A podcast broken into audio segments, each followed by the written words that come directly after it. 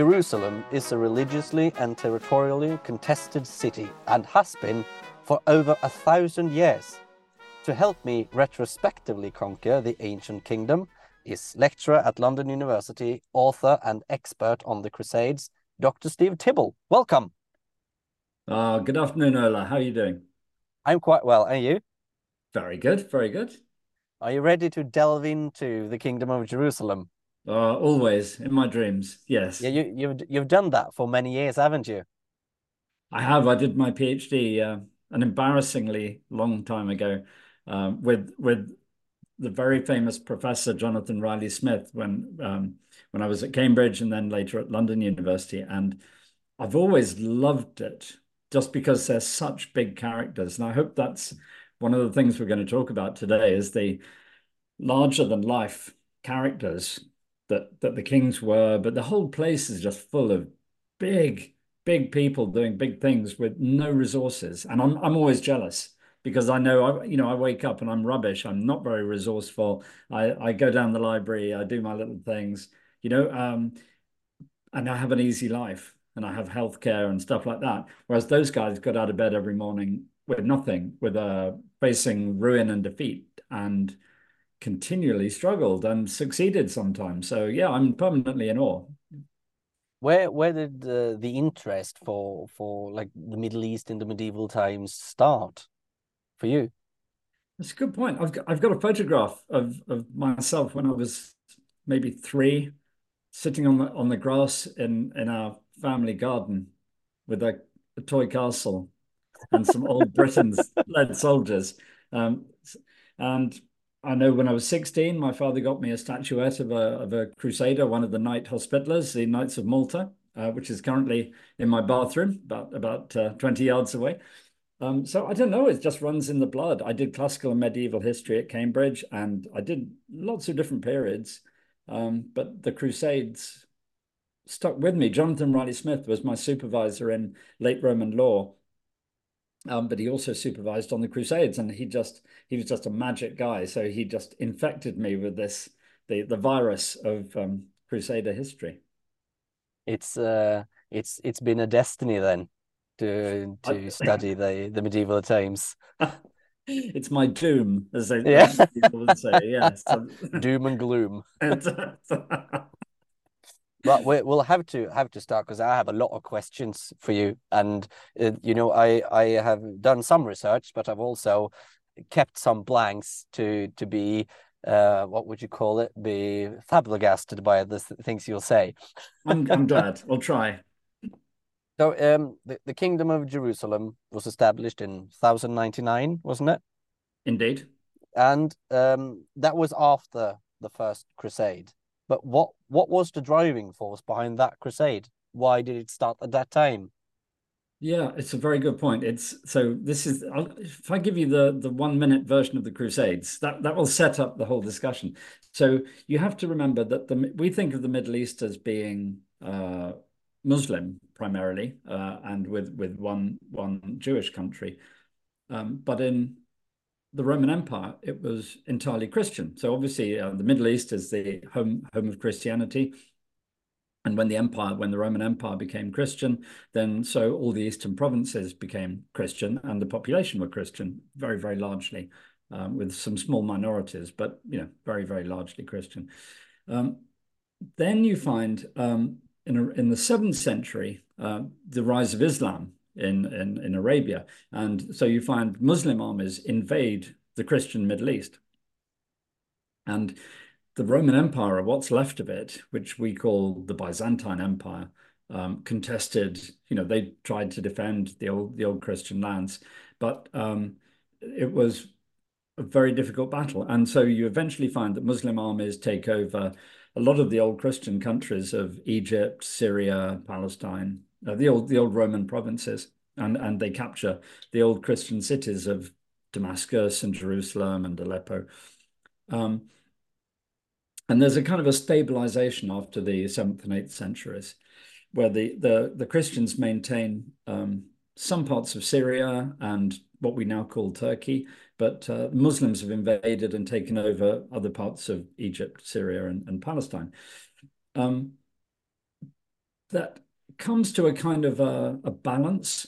But then in the 11th century, you find there are more Muslim invasions from the Eurasian steppes, where you get Turkic kind of uh, Mongolian ethnic tribes coming off the, the western steppes and invading what is currently Turkey. So it'd be Anatolia, which are, um, you know, 100% Christian population. So the Byzantine emperors um, who have a, a, tough job facing the old Arab Muslim invaders in the south and new waves of, of um, uh, Turkic invaders from the east called to the west for, for help. They called to their um, Christian brethren, I guess. Um, we have to remember that they're different kinds of Christians. So in, in Europe, um, Christianity is, is Catholic, and in the East, Christianity is Orthodox. So there's a little bit of tension there. But eventually, the, the Pope and other devout people in Western Europe agreed to come to the aid of the Holy Land and to try and recover some of it. Because you have to remember, most of the population of um, the Holy Land um, is still Christian at this point. So they, although the Muslims have been in charge for for centuries, the majority of the population hadn't converted. Um, so it's always much more complicated than you think. I mean, obviously there there are Muslim communities. If we just take the Latin Kingdom of Jerusalem as it was to become, um, there are there are Jewish communities there, very small. There are Muslim communities, but the majority of the population in all the what became the Crusader states were still Christian. So in the First Crusade, what you have is a huge armed pilgrimage heading from Europe to try and uh, recover those lost Christian provinces and um, protect the the old lost Christian communities. But uh, when when the crusade was was done, they had won um, and conquered the Holy Land uh, and and established the kingdom. How large was the kingdom at that time? Mm, that's a very good point. It, it's always a bit fluid. So there were there were basically four different Crusader states, but the, the most important one was the Kingdom of Jerusalem. And it um, so it encompasses most of what you would think of as modern Israel. But in some ways it was also bigger than that. So the northern boundary went up into Lebanon. So Beirut and Sidon were both part of the Latin Kingdom of Jerusalem. Um, and to the east, it went across the Jordan. Um, so it went in, and again, the boundaries there are very flimsy. I don't, I don't think there is a map. I've never seen a map. They're normally kind of dotted lines, you know, to an approximate guess. But certainly there was a huge lordship called the Lordship of the Jourdain, the the um, Transjordan, and the Transjordan was was a big part of the Latin Kingdom with some really big castles. It was a kind of frontier zone to to try and protect the Holy Land from attacks from from Syria or yeah from that area, and then down in the south it it bordered um, on Egypt, so it it went down as far as uh, Ascalon and Gaza, which you know we're seeing today uh, in the news so much, uh, which were both. um, at this time Christian cities. And in fact, Gaza was a, a Templar castle. The castle of Gaza was built by the Templars to defend the, the kind of southern um, entries to the Latin Kingdom of Jerusalem. Uh, and who who became the king? Like how how did they how did they find find out who should be king? I guess there wasn't an election. Well, it's it was an extraordinary process. I mean, that is an incredibly good question. Oh my God, what a good question. The um because the First Crusade was so weird, you know, people didn't really know what it was. For most people, it was a pilgrimage. Okay, so a pilgrimage is where you go somewhere, you pay your respects, religious respects, which which the guys, the survivors had done. They'd all, you know, gone down to the River Jordan, they'd all gone to the Holy Sepulchre in Jerusalem, they'd said their prayers. And at the end of a pilgrimage, you go you go home. so so um, really really irritatingly for for the Byzantines, I guess, and for for everybody, most of the guys came to Jerusalem, did you know did what they did, did the fighting, and they said, "Wow, thank God, you know I've had enough of this. I haven't haven't seen my family in you know four years. Uh, I need to go home. I've I've got remission of sins. I'll be going to heaven. So wowee, that's that's job done." But the trouble is that um, a pilgrimage can't create a kingdom. And if one part of the purpose of the crusade was to recover the Holy Land, that implies keeping it. You know, you don't just want to keep it, recover it for 24 hours, because then you haven't helped the local Christian communities, you haven't reestablished, um, you know, the uh, the Christian rule there. So it was it was a military disaster. So you have all these guys eager to go home, and and by the time they left, there were just a tiny number of men. So we think of kingdoms as being, you know, medieval kingdoms as really butch, thousands of knights and whatever. By the time the First Crusade finished, there was something like two or three hundred knights left. And these were guys who were very good. They were hardened veterans because it's kind of like this Darwin process. You know, there's a Darwinistic process of, you know, the best, fittest soldiers get there uh, and win. Um, so you have this tiny army, really, really high caliber army, but they're people who uh, are hugely outnumbered. So there was instantly um, a need to get more and more people from the West to come and help, and also to remilitarize the local Arabs because the local Arabs were primarily Christian.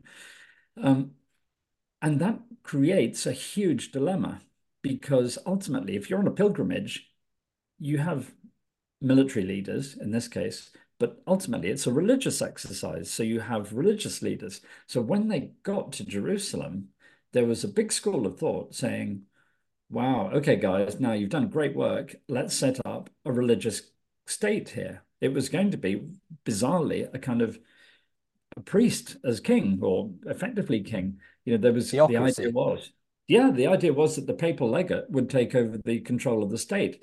And with hindsight, you think, wow, that is so crazy. I mean, you know, defense is the single most important thing on the agenda for that country, and you can't put a monk in charge of it. Um, so everybody gathered round and elected um, somebody who was acceptable. I mean, there were lots of big characters on the First Crusade, and the trouble was, it's um, it's a bit like some elections where the people cancel each other out. You know, there. I don't like this big person. I don't like that big person, and they kind of cancel each other out. And the the winner was was a relatively not unknown, but a relatively minor figure called Godfrey of Bouillon, um, who who took over as what was in effect the first ruler of the Latin Kingdom of Jerusalem.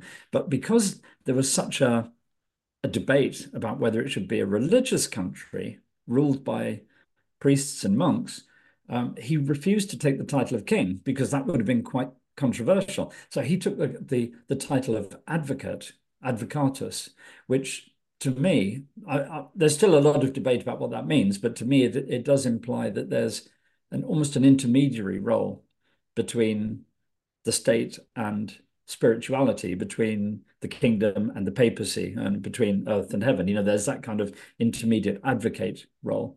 Um, so you have right from the beginning, 1099, you have this guy called Godfrey of Bouillon, against all the odds, suddenly finds himself thrown into this impossible situation where he's got this huge, relatively huge country. He's got 200 knights and surrounded by tens, hundreds of thousands of enemies um, who who want them gone. I mean, in a way, it's amazing that they ever got there in the first place. It, it shouldn't have happened. It was a fluke.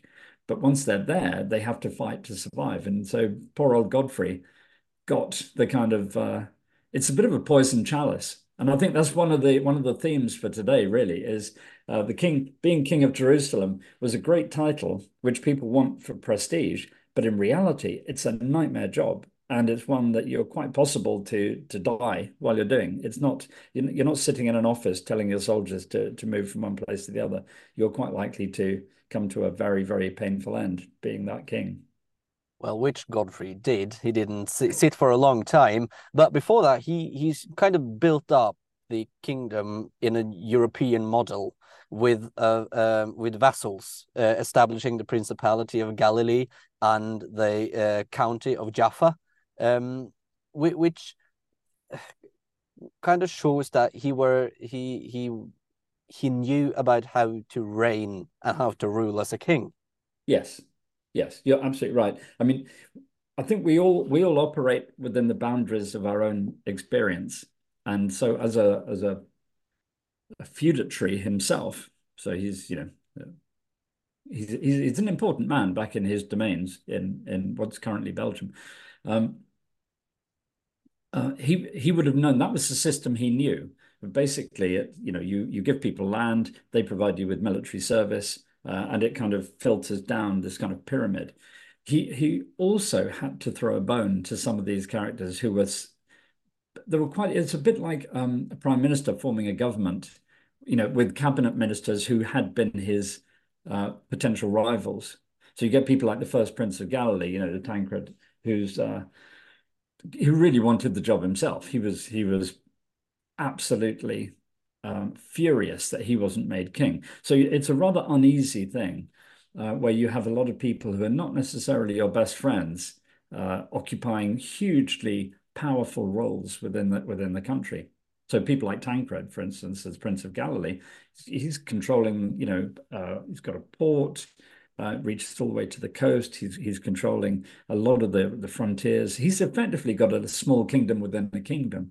But but from Godfrey's point of view, that's he's got almost no resources. You know, if Tancred doesn't play ball, that's half his army just disappears. And his army is tiny to start off with, you know, and half a tiny army is just suicidal. So he has to be very careful. And I think he does a pretty good job. We we don't know too much about him. He was only on the throne for effectively a few months. He he died in 1100. Um, but he did set things up and he set um, uh, a direction. The one thing that he didn't get wrong, but may have been right at the time, was this whole thing about being an advocate rather than a king. Because I think when when his successor started, there was no doubt. You know, I'm going to be king. I'm the military commander. We need we need proper power and control. We can't shilly shally around with you know am I going to write to the Pope and ask if it's okay? Because by the time the reply comes back, we're all dead. You know, you just can't have that level of uh, messing around. So, but but beyond that, I think Godfrey did did very well within within the bounds that he could do. It's it's my recurring theme that I, I think they're wonderful. You know, even the ones that I don't actually like as people. You know, you have to admire just their ability to get things done with almost zero resources. I don't like, but I respect. yeah, very much so. Yeah, that's a good way of putting it. Yeah. Was uh, was um, Godfrey succeeded by a son? Was it a primogenitor in, in at place in in the kingdom of Jerusalem already in the eleven in eleven hundred, or was it someone else who succeeded yeah. to the throne? Well, that's a really good point. The um, it comes back to the issue. You know, they they they were working within the bounds of what they knew, and primogeniture is a big part of what they knew. So on the one hand, yes, up to a point. But I think one of the again another recurring theme in in talking about the kings of Jerusalem is to realize that it's um, it's a tough job. You know, they, there's no room for for for just going. You can't go for a weak character. So when so when Godfrey Godfrey died, it it it went to someone who was supposedly a relative of his, but nobody, you know, you can't really prove what kind of relative. Basically, it went to a guy who became um, uh, known as Baldwin the First. He was actually Baldwin of Boulogne, and he was so not too far from Bouillon, um, but he he was Count of Edessa, which is another one of the Crusader states, and he is an extraordinary figure. I mean, wonderful, crazy bloke. He um, he created the county of Edessa with, I think it was about 60 guys. They just broke away from the army. They were on horse. Uh, they crossed over, got to the Euphrates or and uh, Orontes, I forget which, and and then just created this mini kingdom of their own, which became as a huge, huge piece of, of land going from Turkey into Syria, and set up this this political organism on their own through sheer will. I mean, again, most of the population were Christians, so they were quite pleased to see them, but they were still facing huge, huge odds of you know Turkic Turkic troops. So basically, they when Godfrey died, the, there was a, a kind of group discussion. There's that's the other thing that always strikes me about kingship in the Latin East is we think when I was a kid, you know, when I'm playing with my castle and my toy soldiers, the king tells everybody what to do. You know, the king is like a dictator. and uh, sometimes benevolent dictator, sometimes not. But in reality, and and particularly in the Kingdom of Jerusalem, it's much more like um, maybe a chief executive role. And that, that chief executive has to deal with a board. You know, you've got you've got the advisory board, which is basically your, your nobility, and you've got a huge number of employees, which are basically, you know, the, the peasants who may or may not want to pay their taxes. And you've got another advisory board, which is the church. So uh, when things happen, when there are big decisions to be made, it, it feels much more like the chief exec trying to run a focus group. You know, there's an element of it's like an ad agency trying to get the right idea through. You you can you can have one person with the creative drive, but you do need to get other, people on board. And so when Godfrey died, there was another of these huge focus groups. People get together and they talk about the, the relative merits of who who could take over. And eventually, the crown went to um, this this guy Baldwin, with the kind of fig leaf that they were related. It's like, but really, I don't know. I mean, he got the job because he was he was he was a good man in a charge. You know, he was tough, he was decisive, and he knew how to lead an army. And those were probably the big qualities. That's really what you need. It doesn't matter whether you're a son. And and if you know you if somebody's not up for the job, everybody dies. This this whole you have to remember the Latin kingdom is permanently on a knife edge. There's, it's the military problem that Israel faces nowadays. You know, your whatever it is, eight minutes flight time for a for a um, a jet to go from one side of Israel to the other, or maybe not even that. You know, it's a thin strip of land. You're heavily outnumbered. You know, you can you can be dead this time. You know, the whole place could be wiped out before the end of the weekend. So you just need somebody tough in charge, and there's no room for just for you know emotional. You don't want somebody's son to take over if he's yeah. if someone's incapable, you do not want them in charge because you don't get any second chances. Baldwin reigned a bit longer than Godfrey, uh, and he expanded the kingdom. Um, was Jerusalem a conqueror state? Well, it's a good point. It was. It was the capital, so uh, it was the capital of the Latin Kingdom of Jerusalem. Um, you know, hence the name. Clue, the clues in the name, of course. In in reality, it was always a very difficult city to control. Um, and and you know the the Muslim armies that that captured it um, originally, when when the Arab invasions took place, were um, found that they they could capture it because it's it's very dif difficult to defend. You need you know you need lots of guys on the walls. It's it's way inland. Uh, water and food are always problems. You know it's not it's not an easy place, especially if you're outnumbered. So the de facto capital of the Kingdom of Jerusalem was was often most of the time was Acre, which is with current modern day Akko, which is on the coast. And, and there you find it's big, it's defensible, and you've got lines of supply going back to Europe. So you can get reinforcements, you can get food and so on. Um, but Jerusalem itself was so important because it was the, the center of, of Christianity. And it's um, also very important to the Muslims because it's, it plays a less significant role in, in Islam, but it is still a, one of the one of the important places in their worship.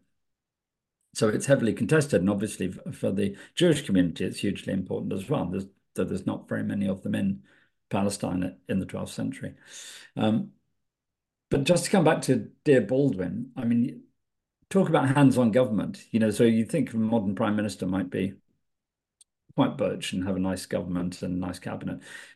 Baldwin's entire cabinet and government were nearly wiped out on several occasions. I mean, literally, this is this is not a sophisticated government. There is no no luxury. There's very little bureaucracy. Um, there was one battle where Baldwin I was riding along. The the Egyptian army invaded, and they I think the guys the scouts came back and said it's a raiding party. So so King Baldwin and his knights, which were about 200 guys, got on a horse and rode down to try and face off the bandits before they did too much damage.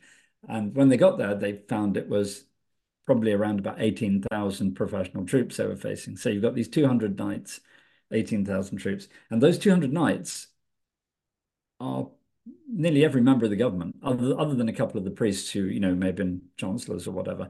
So anybody yeah, there were a few literate people left behind, but it was the entire government and the entire cabinet in the front rank. and they charged. They were almost all wiped out. Baldwin managed to fight his way through with a few guys. Then they got surrounded. Then they were under siege. Then Baldwin managed to fight his way out with three bodyguards. All of whom got killed. Uh, he managed to ride off on his horse, and and I think he he he was burnt. He was wounded. Uh, he was chased by Egyptian troops for days on his own, and I think had a nervous breakdown. And he ended up walking into um, Jaffa on the coast, um, and nobody nobody recognized him. Um, it was um, it was just something that was so so ghastly.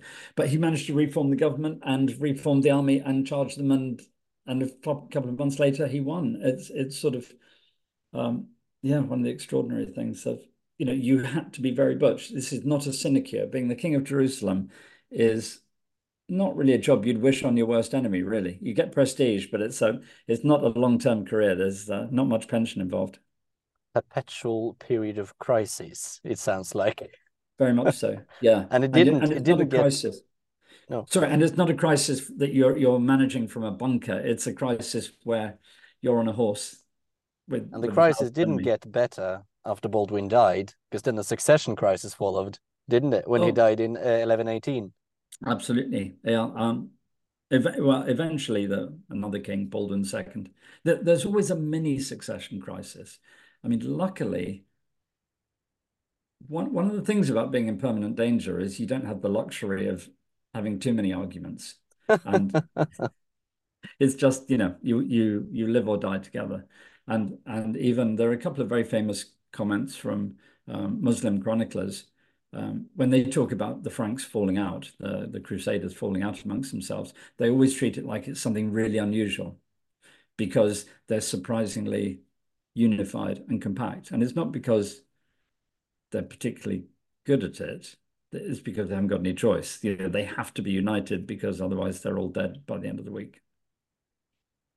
But what can you say? And Baldwin II was, you know, he was another really active guy, fantastic bloke managed to get him. Even even then, he was fighting in the front line. He got captured by the Turks in 1123. Ended up having give one of his young daughters as a as a hostage. Endured whatever ghastly things we don't know about that that happened to hostages and prisoners um, and so on. Yeah, so it's it's a very hands-on job. I w- I wouldn't apply for it. I have to say. And and he was succeeded by his daughter wasn't he Baldwin II? Yeah, yeah. Well, that's a very again a good point. The on on the one hand, primogeniture is is a good thing, or at least you want some kind of relative of yours to show that you've got legitimacy for the government. But there's also a realism, uh, and the idea is that it's women didn't play a, a, significant role and they weren't allowed to play a significant role in medieval warfare. Um, and and I think they're jo it's jolly lucky for them they weren't. I wouldn't have wanted to have anything to do with it. So as soon as it looked as though um, he might not have a son, um, embassies, feelers were put out around Europe to see if they could find somebody who could come and marry uh, his daughter, Melisande, who um, who actually um, no, actually, she wasn't hostage. But um, yeah, so as soon as he died, he had uh, a daughter and her husband to take over, and that was always quite stressful, as you can imagine. These uh, a lot of these barons are very arrogant. They're all jockeying for position, blah blah blah. You know, and so King Fulk was not always popular because he was an outsider. He came from Anjou so he was, uh, and there are a lot of guys. Everybody likes a rich heiress, you know, because that that's money and power on a plate. So everybody wanted to be on, you know, either married to Melisande or in her, you know, in her on her side. Uh, and she and Fulk didn't always have a happy marriage. But ultimately, you know, there were stresses. Uh, but he was he was a fairly good general, and women did not command armies in the field, and commanding an army in the field was pretty much, you know, agenda item number one for any any any government there. If you couldn't do that, you know, we'll talk about it in a, in a minute, hopefully. But even King Baldwin IV, who was a leper, guy who couldn't even get out of bed. Um, he was literally dragged into battle. You know, he was on a stretcher and taking his men round different parts of Palestine, facing off invading armies. It's um, I was going to say it's not a job you can do lying down, but I mean he literally did do it lying down. Um, yeah, but it was such a desperately vulnerable military job that they did always need some hard man in charge. And we we will get to Baldwin the Fourth, of course. We have to talk about him, but we have to stop at Baldwin the Third first, because um, you you you mentioned that Melisande didn't have the best relationship with her husband, but it also extended to her son, didn't it? Very much so. Yes, I mean she's clearly a big character. I mean they're, they're all big characters. The, the men are big characters. The women are big characters. They're well, that's why it's so wonderful. It's why it's such an exciting period of history because it's like a movie that you know you couldn't make make it up. And Melisande was um, uh, a fabulous, strong woman, and she was used to getting her own way. Her and Fulk fought a lot. Um, there were rumors that she took a lover, and you know, almost a civil war when when um, the king heard these rumors of her having a lover. So, so Melisande was always a big, independent, strong character. Baldwin III, similarly, was you know, strong guy, um, and he wanted to take over. So when he was of age, um, what normally would have happened was that his mother, who was effectively acting as kind of regent, should have should have stepped down. Um, but for whatever reasons, um, she didn't do that, and it, you were again almost on the verge of a civil war because um, when when Baldwin was was crowned um, and came of age, um, that was the trigger for him to take control, and it didn't it didn't go smoothly. The the transfer of power. Eventually, people, you know, the barons sided with Baldwin III for all the same reasons as as normal, which is you know they felt you needed uh, a general who was male who could lead armies in the field. That was the prime prime prerequisite, really. Um, but there was there was an issue, yeah, around about 1152 when when it looked like everything could have gone up in smoke in civil war. Uh, and Melisande retired more or less gracefully. I mean, I'm not really sure how graceful it was. Can't can't imagine she was pleased. But but actually, funnily enough, I mean, they it does look like they they got back together in a funny sort of way. It wasn't that they never spoke after that. And I think Baldwin, when Melisande died, was was genuinely upset and, and so on. So yeah, it's a funny thing. Power, I think power, you've got strong characters plus power, it it does distort your behavior and can lead to some very difficult situations. Knowledge is power, power corrupts. Study hard, be evil. That's true. yes, Mr. Bond. Yes. Yeah. It's, like modern politics, isn't it? Absolutely. And uh, Baldwin, when Baldwin was victorious in the civil war, war with his mother, he established the Anjou dynasty in Jerusalem because he was, of course, the dynasty uh, yes. was his father's uh, which and he came from Anjou. And is that the same family that uh, later ruled France as the kings? Is is uh, it the well, same? Yeah, and, and, and, England, yes. I mean, yeah, and so, England, of course, yeah. you know, Henry, uh, King Richard Lionheart, John. You know, the the Angevin dynasty were yeah uh, incredibly powerful, and that that's actually a very good point because we think of primogeniture going through the kingship of Jerusalem. And obviously that's that's one aspect. But there is there's other aspects of relationships that that connect the Latin kingdom back to Europe. And thank God for them it did, because that was, you know, they needed every every man, every bit of help they could get. So you find things like when Richard the Lionheart goes on the third crusade, it's um it's partly because he's a, you know he's a devout guy and he's a good general and he likes fighting. But it is partly also a family family affair. He's he's going to help you know his cousins or you know second cousins whatever um, on who are on the throne. I mean he he's related and his father were related to all the kings of Jerusalem quite closely. And um, Baldwin uh, is succeeded by his brother Amalric. Is that the right yes, way? Yes, Amalric. Amalric. Amalric. Yeah. Oh, uh, he was another great guy yeah, because uh, he just tried to destroy Egypt, didn't he? The Fatimids uh, empire in Egypt.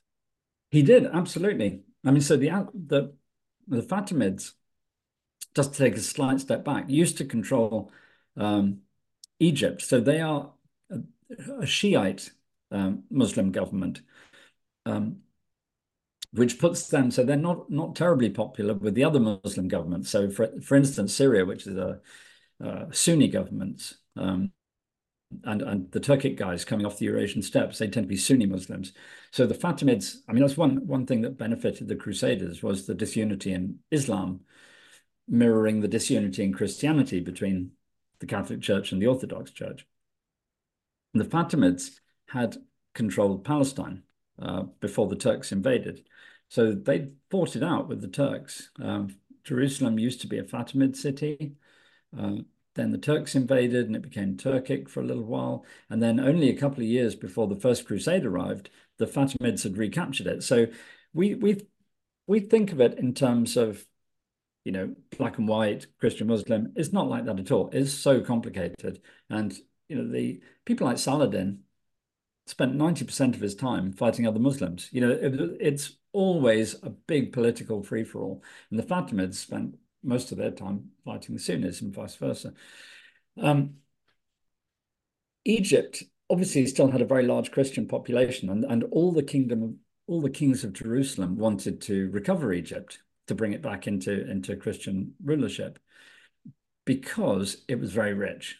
The and the I always, when I was a kid, I always thought this was really weird, you know, and you often find crusades particularly in the 13th century, they don't bother going to the Holy Land, really. They just go straight to Egypt and invade Egypt. And you think, wow, why, why are you doing that? You've kind of, you know, I know the geography may not be your strong point, but, you know, you've missed the Holy Land. You're in the wrong place. And it's because the Holy Land is almost indefensible. It is just a narrow strip of land on the edge of a huge Muslim empire that stretches all the way to Afghanistan. But your only chance of holding on to it and is, is to get more land and more money, and you get a lot more man, uh, money and land in Egypt because the Nile, you know, obviously the Nile is a very fertile region. The the ebb and flow of the Nile creates a huge amount of um, of, of, wealth, um, and on with that wealth, you can buy mercenaries, you can get settlers planted down, you can do this, that, and the other. So the kings of Jerusalem, it sounds crazy, it looks crazy, but but they had a very clear strategy, and that strategy was certainly with Baldwin III and then Amalric and later, was to uh, try and recover Egypt and, and to bring it back into Christian control. And that would give you a kind of defense in depth that you couldn't have if you only held on to this strip of land, which is which is Palestine, really. And Amalric uh, was a good ruler because he got a lot of children, which is good for the dynasty. And uh, you mentioned earlier that um, they wanted the general to lead them in a way. Yes. Um, how did that work out with Baldwin the Fourth, which is now like the the one we've come come to, and because all th uh, three of Amalric's children succeeded to the throne, but Baldwin the Fourth is of course the most interesting one. Yeah. He was the the leprous, the leper, um, but he was quite young not not nearly the age of becoming again general was he when he became king? Well you're no you're you're absolutely right. I mean amalric was a very unprepossessing guy. I mean he wasn't a leper so he didn't have you know bits dropping off but he did um he was famously grumpy as well actually uh, he, he he's again he's one of these larger than life characters. He was an, in an age where everybody was in the horse the whole time. They were muscular. Uh, you know, knights were fit because they trained the whole time, and also we didn't have any sugar. You know, it was they weren't having fast food. They were they were lean, muscular people. He was he was a big fat bloke. He had big breasts, and he was famous for having these breasts. And when he went into a rage and ran across the room, the breasts he was the breasts would go up and down, and people would know that he was he was cross. So he's he is a funny character, and he did have a lot of children. He probably more than we know, because he was a bit famous for um, going to bed with other other men's women as well. Which uh, you know, if you're a king, you you get a bit of leeway to do that. Um, but and he invaded Egypt time after time, which which incredibly good for this this guy who didn't look like a heroic general was actually on his horse invading I think he invaded Egypt six times. His brother had done it as well. Um, he, he was just not going to give up. Clear strategic vision. But the trouble was that the the heir to the throne was a leper. So Baldwin IV, super brave guy, and we've got a huge respect for him. In the, in the film Kingdom of Heaven, which I'm sure you, I, have noticed seen. it already. Ridley Scott. It, I, I, think it's better than Napoleon. I saw Napoleon recently, and that was um, a bit slightly disappointing compared to Kingdom of Heaven. And in Kingdom of Heaven, Edward Norton plays Baldwin IV, um, but you never, you only know by his voice because you don't ever get to see his face. Um, because his face was was terribly disfigured. But he was um, very brave. He was a good general. Um, he did have a very clear strategic view and a very good command of events. So although he was heavily disabled, he was he was still a good king to his people. The trouble was that he was a leper. You know, it was beyond his fault. He, you know, obviously nothing to do with him at all. But he could never be a great king because he couldn't have children. Lepers can't have children, uh, or certainly with his kind of leprosy, you couldn't. Which meant that everybody, all the big nobles, for the first time, were continually jostling for power. So although there wasn't a civil war going on, there was always intrigue, instability. Yeah, it was. You're absolutely right. Inherently very unstable, and it and it and it led to disaster in the end because while while Baldwin IV was alive, he was able to keep keep things at bay. The the big issue that he faced was that there was a, a Kurdish ruler who'd taken control of Egypt and Syria, a guy called Saladin, who was a, became a big ruler for for the Sunni Muslims, and um, he represented a huge threat because Saladin was a good general and he had armies that vastly outnumbered the Crusaders. So the Crusaders had to be incredibly careful. And, and Baldwin IV was a very good, careful general and a good king. But when he died, um, the, the intrigues had been going on for so long that uh, it was a poisonous atmosphere. And it was a very difficult atmosphere to enact a good military strategy. And when we've come to the the end of the reigns of Amalric's children, is is that the end of the semi-stable kingdom of Jerusalem? Is that when it starts to kind of crumble, like the beginning of the end of this yes. great kingdom? Yes, you're no, you're absolutely right. It's um, I'm always surprised the kingdom lasted as long as it did. I mean, it it kind of staggers on until 1291, so it lasts for nearly 200 years. But it's extraordinary that it could have gone at any point you know, it's so outnumbered, it's so peripheral. It's got a supply line for reinforcements going back to Europe, but takes about four years to bring an army to come and help if you can if you can muster it at all. So you know you you can all be dead. Your family's dead before word even gets back to Paris that they need to send help. So yeah, I'm always surprised it lasted as long as it did. But you're you're absolutely right. Um, Baldwin died. Baldwin the Fourth died in 1186, and his what he bequeathed to the country was uh, an atmosphere of instability. It wasn't his fault; it was inevitable, but it meant that the country was crippled by a lack of good decision making, and um, so Baldwin's sister took over, uh, and her husband, uh, a man called Guy de Lusignan, took over.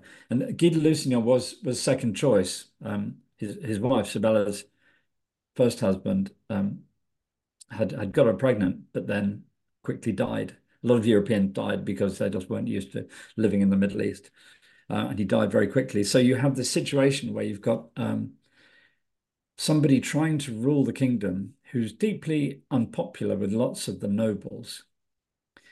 He's also in a very weak position because he's not really king. He's kind of he's the man who's married to the queen rather than the king. If you see what I mean. Um, so Prince he's Philip. in a weak position. it's it's not great, you know. And and also you have to put this into the context. This is probably the worst job on the planet. You know, being a king of Jerusalem, nightmare job. Um, and you get this guy, and he's weak because he's he has very little power. He makes poor decisions, and he's he's a weak man trying to look strong. You know, and that's almost the worst combination because those kind of people make bad decisions for bad reasons as we see within a few months of him taking over, um, the whole kingdom nearly collapses. And dynastic marriage is dynastic marriages seems like an important part of continuing the kingdom, marrying into important noble families from Europe. Uh, yes. as it seems. But it must have been Isabella II. She reigned from 1212 to 1225, who, carried out the most important marriage in the kingdom's history when she married Frederick II, the emperor of the Holy Roman Empire. Absolutely. I think you put your finger on it there. In most European monarchies, you you have dynastic policies to help the dynasty. In the Latin Kingdom of Jerusalem, you have dynastic policies to bring help in. You know, it's almost you want new blood in the dynasty. You don't. You're actually much more concerned about survival than having, you know, your your grandchild on the throne because that grandchild would probably be dead if if you can't get a good general to run the place. So bringing in people who've got resources and skills from Europe to help out is critical. And clearly, Frederick II you know, big man, big title, big resources, and he's he's also got interests in the in the Mediterranean. So he's he's you know he he fit, ticks a lot of boxes. The tr the trouble is he's also unpopular with the papacy and he brings all that baggage with him. But actually, it, was um, excommunicated several times, wasn't he? I know, which is uh, careless, careless. Yeah. yeah, yeah, and it doesn't help. And it puts a lot of the Latin kingdom in a very difficult position because people like the Templars and the Knights of Malta, as they were later to become the Hospitallers, um, are, are papal officers. You know, they're they're agents of the papacy. Um, so if and they, however much they might might like Frederick II personally, they're not even supposed to talk to him. You know, he's he's excommunicate. Um, so yeah, there's lots of lots of problems and complications, but there's always this compromise. That's not about a family dynasty. It's about applying resources from Europe to just save save lives in the East. And uh, moving a bit forward now, uh, Hugh, John II, and Henry II were the last three three uh, rulers of Jerusalem and of the house of Lusignan, if I pronounced that correctly. I yeah, hope I did. Absolutely. absolutely. Um, and after that, the, the kingdom fell apart. Like uh, Henry Henry II kept the title king of Jerusalem in exile. Um, but why and how did the kingdom fall? Yeah, I'd, I'd actually say, in, in a way, that the the more interesting his question is why did it stagger on as long as it did? it should have it should have collapsed. 1187, there was this huge battle, the Battle of Hattin. Saladin's troops basically destroyed the entire kingdom, most of the Crusader states. And there was a fight back from the Third Crusade, which recovered some of the old Christian lands. Um, but after 1187, you never really get the the countryside back in Christian hands. So all the all the old Christian villages, um, certainly the ones that were settled by by Westerners, all disappeared. Um, there were lots of Christian villages, but they were mainly under Muslim control. So it's a the Latin Kingdom of Jerusalem after 1187 becomes a series of fortified coastal outposts places like Acre, Ascalon, Jaffa, Sidon, Beirut, those those places, and they they're almost like dots on a map. They're not even joined up necessarily. You know, they they their numbers of troops are so small they can't really control the hinterland, and you find a lot of fragmentation between different Italian states. The Venetians are there in force, the Genoese are there in force, and they they hate each other and they fall out. You've got different European parties falling out with each other or falling out with the Pope. You've got the Templars and the Hospitallers falling out with each other. It's um, it's it feels like um, the end of a party, you know, uh, and at the end of a party where everybody's had too much to drink, they're kind of squabbling on the way out, and uh, you know they don't have the sense to leave actually, you know, in some ways, in terms of just saving life, it probably would have been better to close it down a bit a bit sooner. Um, it just staggered on. People were brave and defended their interests in their land as long as they could, but there was no way that the Crusader states were sustainable, really, after 1187. Arguably, not, not even then, really. I mean, it was always a, a forlorn hope. And moving over to some some general questions that I have about the kingdom, is, is that um, we, we've mentioned Melisande and Isabella II as queens of Jerusalem, uh, and their sons were able to uh, to succeed to the throne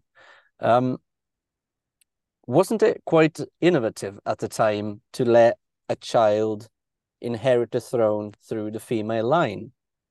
That or was it quite the norm at the time? No, you're you're absolutely right. It wasn't it wasn't the norm.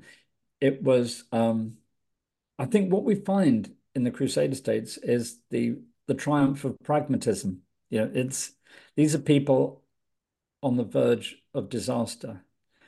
So they're not sticklers for the rules. So what would be normal in Europe, you know, might involve certain compromises.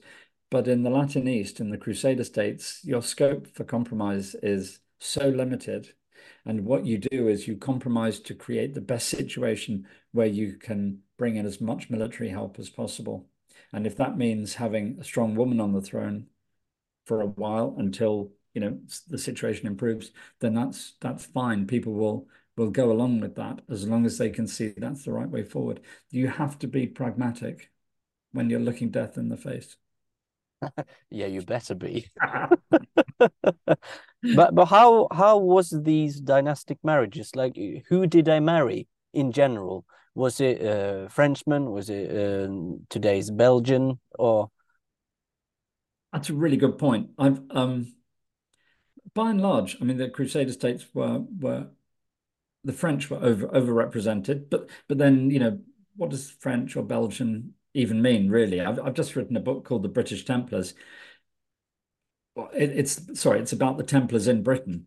But you and and for shorthand, you have to say he was an English king. This was a British Templar, but it doesn't mean anything really. These these are so-called English Templars who had French names. They come from a family in Anjou or or wherever. You know, the our national boundaries are not what what they were. We can't really superimpose that. But it's certainly the case that um, the settlers were called Franks. You know, I think everybody realized that that was that was the generic game, name given to them. So there were so many Frenchmen in town that even if you were an Italian, if a Muslim looked at you, they'd say, "Ah, he's a Frank." Because they expected, you know, the Europeans to be French, de, de facto French. But again, that's not our modern borders of what we call France. It's it's a very different France that maybe include part of English territory, Belgium, Holland, you know, whatever, all of that. And we uh, when when uh, Frederick II married into um, this dynasty, he became the king of Jerusalem. And that was a title even Charles V of the Holy Roman Empire had, who ruled in the 16th century. Do you know how long the Holy Roman emperors kept that title, even though the the kingdom was gone? Wow, it's um, to me, I think of it as it's a bit like having treasure in the attic of your house. You know, it's tough. You keep it there because it says something about your past and it and it has some emotional value and prestigious value. Um, there's nothing practical about it, really. It's it's partly a statement. It's a statement to say that that you are a senior person and you've got some control over some of your Christian, uh, you know, rulers or subjects or whatever, and that you're taking a slightly bigger view. But I think uh, it's it's so it's partly prestige. It's partly an it's just an honorific. It's partly a title. You know, a lot of dynasties end up being weighed down with these titles that may or may not have any relevance. But I think you know the, the other thing we forget is that that there, particularly until very recently, until the 18th, 19th centuries, there were very large Christian communities in the Middle East, and talk of of um, the you know recovering the Holy Land and so on still resonated even though it didn't have any, there was no practical way that you could express that. But um, you do find even in things like the Crimean War, say, you know, a lot of a lot of it, and the, say the Russian czars um, have put a lot of store by their um, their right, as they as they would see it, to to protect some of the Orthodox communities of of, of um, Palestine, for instance, and and access to the Holy Sepulchre. These are these are rights and duties and titles that resonate through the centuries, even though you can't give them practical military expression, but they still they still mean something to the people around you. And Charles V had 73 titles, so he he really kept a lot of them, and I don't think all of them meant anything. But um, I do actually believe that I read somewhere that uh, that um, the Habsburg legitimists that still want the monarchy to be uh, established again in Austria do title the now head of the Habsburg Lorraine branch as the King of Jerusalem. Wow. Yeah, yeah. Well, people have long memories. You know, I mean, that's, that's what a dynasty will do. That's what uh, dynasties get you, really. yeah. No, no, but it's very dangerous. You know, because in a way you perpetuate um, a lot of backward-looking thinking. You know, you're continually, yeah, you you're looking back at the past and saying this once used to be mine, and you see that's without getting too political. You know, you can see that in a lot of modern situations. Palestine, like say Ireland, you know, a lot of people have claimed to have certain rights, and they're not entirely wrong. You know, you can see both sides of the argument. Both sides have got long memories, and the same in the Middle East as well. We're seeing playing out today. There are communities there that you know everybody's got their own claims to the past, and as everybody as... has some legitimate claims to make. But because everybody's thinking about the past, it's very difficult to move into the future as long as the kings of Sweden and kings of Denmark don't try to reoccupy Norway, they can keep what titles they want. ah, exactly, exactly. Yeah, there's sort of Norway is a part of Sweden already, you know, that kind of thing. Yeah, they like to. Norway isn't that the capital, Sweden? That's oh, and Finland. Finland belongs to Sweden as well, doesn't it? I think. yeah, of course, according to some legitimists. but that's the thing; it can encourage you into thinking that goes beyond a joke. Because if you get someone in charge who can do something about it, I mean, as again we're seeing in certain parts of Eastern Europe, if if you've got an army and you've got a long enough memory and uh, you know and you feel you should be doing something about it, then you can transfer these these honorific titles that are in the attic can become very bloody battles. Absolutely. Let's reclaim the Orkneys, I say. Thank you so much, Dr. Tibble, for being a part of this episode. And you absolutely satisfied my curiosity. And I think you will have done that for many of our listeners. Well, thank you, Ellie. You've been a very, very good host. I've appreciated that. Thank you very much. And um, to be sure, I will invite you again to talk more about this. Thank you very much. Thank you. You're very kind.